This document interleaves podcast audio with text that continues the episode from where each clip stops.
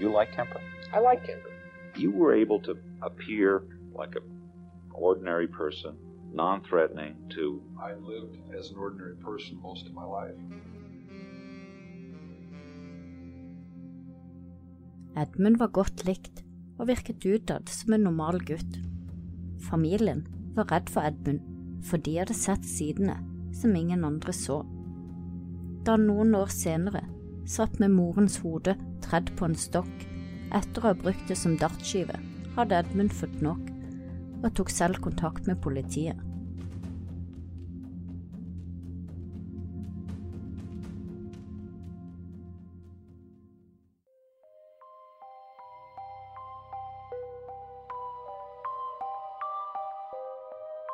Sett deg godt til rette med noe godt i kroppen, og bli med inn i vår mystiske, grufulle og forunderlige verden.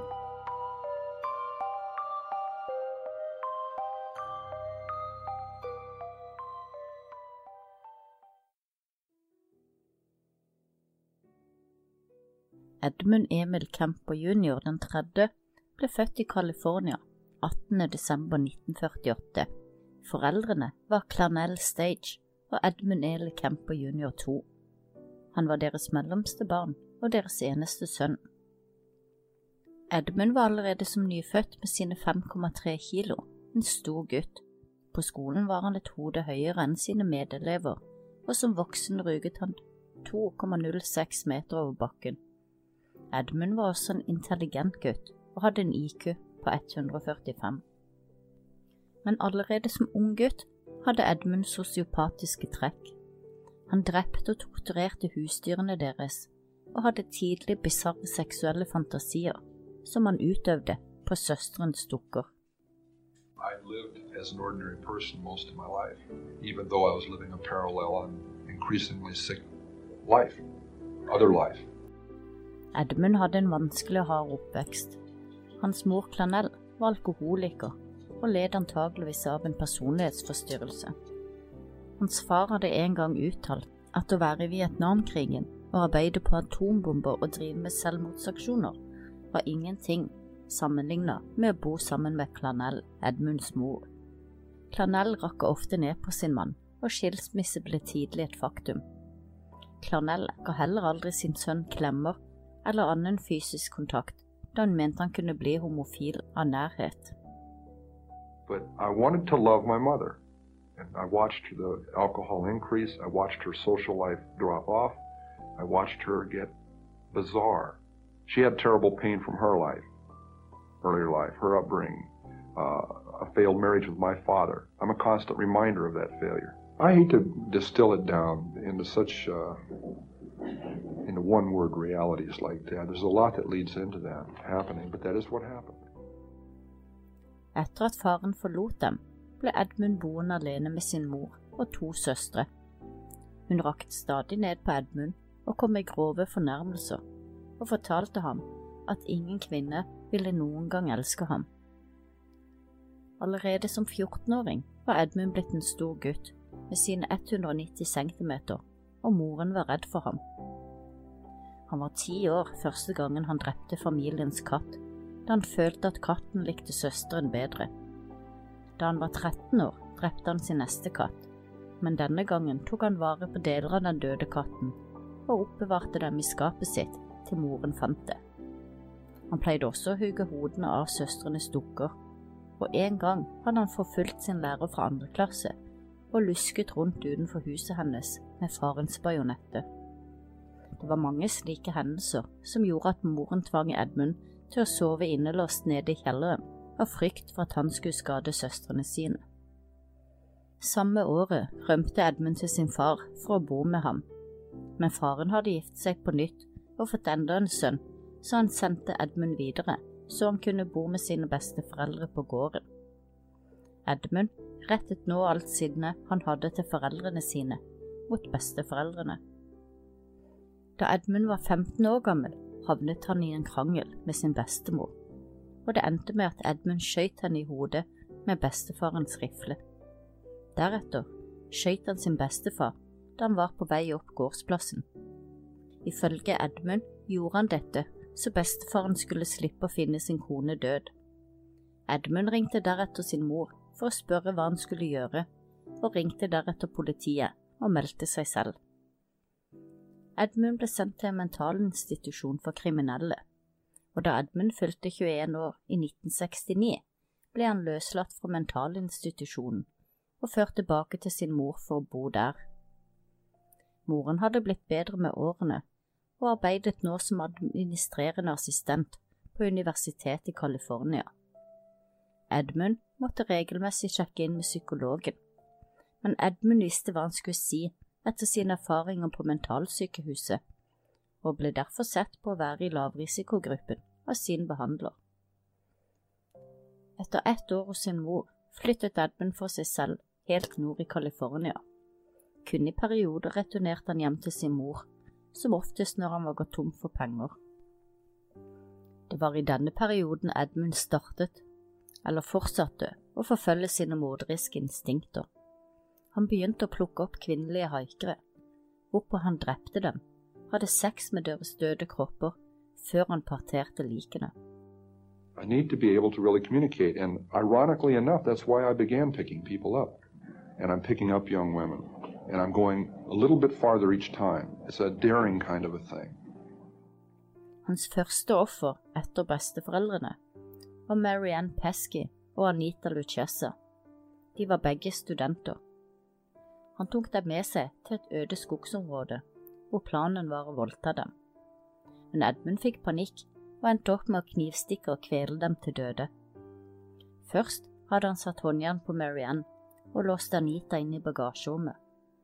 Deretter drepte han Marianne før han drepte Anita. I sin tilståelse fortalte Edmund at mens han satte håndjern på Marianne, så hadde baksiden av hånda hans kommet borti brystet hennes noe som gjorde at han ble veldig flau, som gjorde at han sa til henne oi, unnskyld, før han drepte henne minutter senere. Deretter plasserte han likene i bagasjerommet sitt og kjørte så over til huset hvor han bodde på den tiden.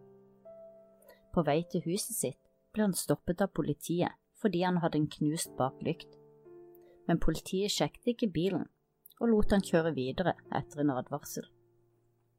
Da Edmund kom hjem, tok han likene inn i huset, voldtok dem, og deretter parterte han dem.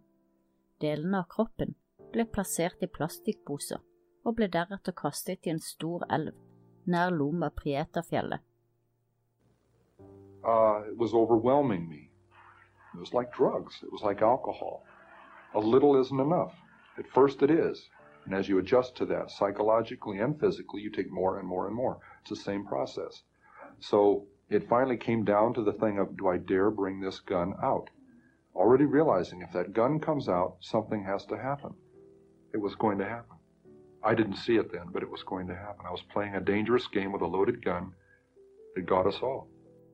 Hans neste offer var den 15 år gamle koreanske studenten Aiko Ko.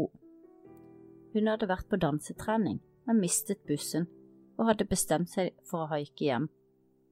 Under angrepet klarte Edmund ved et uhell å låse seg selv ut av bilen med Aiko på innsiden, men han klarte til slutt å overtale henne til å slippe han inn, og hun led den samme skjebnen som de andre. One victim let me back in the car. I locked myself out. She opened the door for me. I 1973 var Edmund uten jobb og penger og flyttet tilbake til sin mor, som bodde på universitetets campus hvor hun arbeidet. Edmund fortsatte å drepe. Han drepte tre studenter til, som han plukket opp i nærheten av universitetet. Med ett av likene kuttet han av hodet og gravde det ned i morens hage, med ansiktet opp, rettet mot morens vindu. Ifølge Edmund gjorde han dette fordi hans mor alltid ønsket at andre skulle se opp til henne. Kvinnen han drepte, var Cindy Skall. Etter han hadde drept henne, oppbevarte han liket hennes i morens hus i et skap på rommet sitt. Dagen etter, da moren var reist på arbeid, hadde han igjen sex med liket av Cindy. Han fjernet pistolkulen han drepte henne med, før han parterte henne i morens badekar. Han kvittet seg med alle likdelene, men tok vare på hodet i flere dager og hadde daglig sex med det før han gravde det ned i morens hage. De to andre studentene, Rosalinda Torp og Alison Lee, litt samme skjebnen, bortsett fra at hodene ikke ble oppbevart og gravd ned i morens hage. I was also involved in killing co-eds because my mother was associated with college work, college co-eds, women, and had had a very strong and violently outspoken position on men for much of my upbringing. My mother was a, a sick, angry, hungry, and very sad woman. I hated her. Da Edmund senere ble intervjua, ble han spurt om hvorfor han fjernet ofrenes hoder før han hadde sex med dem. Svaret hans var hodefantasiene var litt som å bevare et trofé. Du vet, hodet er der hvor alt er. Hjernen, øynene, munnen. Det er selve personen. Jeg husker at jeg som barn hørte at hvis du kutter av hodet, så dør kroppen. Kroppen, den er ingenting uten hodet. Men det er ikke helt sant. Det er mye igjen på kvinnens kropp, selv om hodet mangler. I april 1973 nådde Edmunds drapreise sin slutt. Den 20. april slo han sin sovende mor i hjel med en stor hammer. Deretter kuttet han av henne hodet og voldtok hodet, før han satte det på en hylle og brukte det som dartskive. Han kuttet av henne tungen og strupehodet og kastet dem i søpla. Da han var ferdig, ringte han morens beste venninne og inviterte henne over. Så fort hun ankom, drepte han henne og stjal bilen hennes. Han kjørte til Colorado, men da han ikke hørte noe på nyhetene om drapene, ble han utålmodig og ringte politiet og fortalte at han hadde drept sin mor. Men politiet tok ikke Edmund på alvor, som førte til at Edmund innrømmet alle drapene han hadde begått, i håp om at det ville fange oppmerksomheten deres. Da Edmund ble spurt om hvorfor han hadde overgitt seg selv til politiet og tilstått alt, så svarte han at den opprinnelige motivasjonen var borte, så jeg sa til helvete med alt, og avsluttet det ved å melde meg selv. 7. mai 1973 ble Edmund arrestert og tiltalt for åtte tilfeller av overlagt drap. To ganger forsøkte Edmund å ta livet sitt, og han ba også om å få dødsstraff. 8. november samme året ble han dømt til å være tilregnelig, og ble dømt til syv livstidsdommer. Edmund var uten tvil en beregnelig seriemorder og nekrofil. Var det Edmunds oppvekst som gjorde ham til en kvinnehater og seriemorder? Etter drapet på sin mor virker det som om Edmund hadde oppnådd målet sitt, og det var da han meldte seg selv og ikke lenger så noen grunn til å fortsette å drepe. Eller var han allerede ved fødsel et barn med onde gener? Edmund Kemper ble satt i samme fengsel som blant annet Charles Manson, og her sitter han den dag i dag og soner dommen sin. I 1979 var hans første mulighet til å søke om prøveløslatelse, men denne ble avslått. Det samme ble søknaden de neste tre årene også. Den neste høringen, i 1988, fikk han igjen avslag. Selv sa han under høringen, samfunnet er ikke på noen som helst måte klare for meg, og jeg kan ikke klandre dem for det. I 1991 og 1994 ble han nok en gang nektet prøveløslatelse. Men Edmund ga ikke opp, og fortsatte å søke om prøveløslatelse hver gang loven ga ham muligheten, som resulterte i et avslag både i 1997, 2002 og 2007. Svarene var det samme. Vi bryr oss ikke om at han er en mønsterfange, så lenge han har utført disse grove kriminelle handlingene. I 2012 forsøkte Edmund nok en gang å få gjennom en prøveløslatelse. I 2016 uttalte advokaten hans at Edmund selv ikke tror at han noen gang vil få godkjent en prøveløslatelse, og at han selv er glad for å kunne fortsette livet sitt i fengsel. Og i 2017 ble Edmund nok en gang nektet løslatelse. Neste gang han kan søke, er i 2024. Edmund har frivillig deltatt i flere intervjuer av både medier og profesjonelle for å prøve å gi en forståelse av en seriemorders hjerne. Edmund Kemper er i dag en innsatt med gode skussmål. Han har ansvaret for å sette opp timeavtaler for andre innsattes timer med psykologen, og har også brukt over 5000 timer på å lese inn lydbøker til blinde mennesker. Edmund Kemper har også vært en inspirasjon for mange krim- og thrillerforfattere.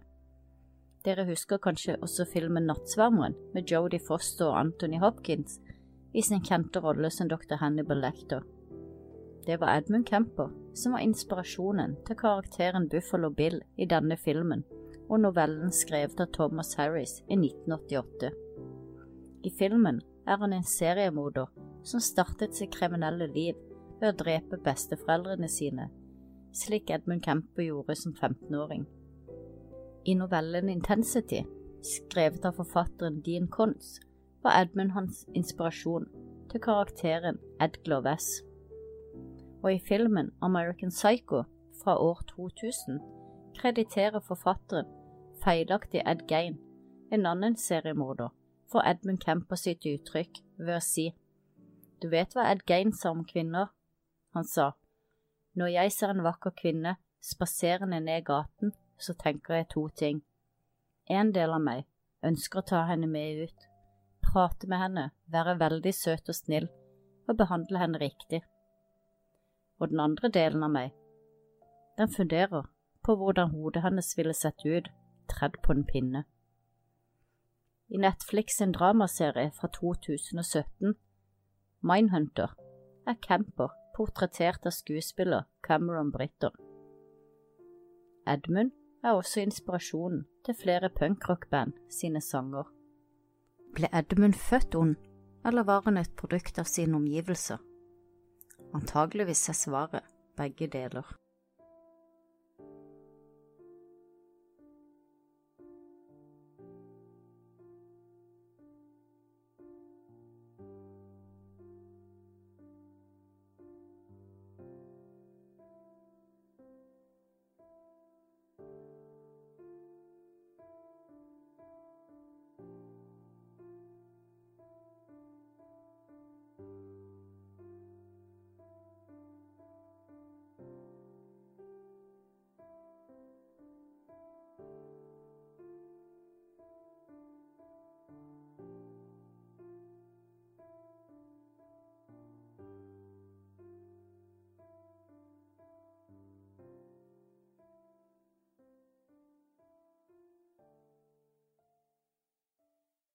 Har du et enkeltpersonforetak eller en liten bedrift? Da er du sikkert lei av å høre meg snakke om hvor enkelt det er med kvitteringer og bilag i fiken, så vi eh, gir oss her, vi.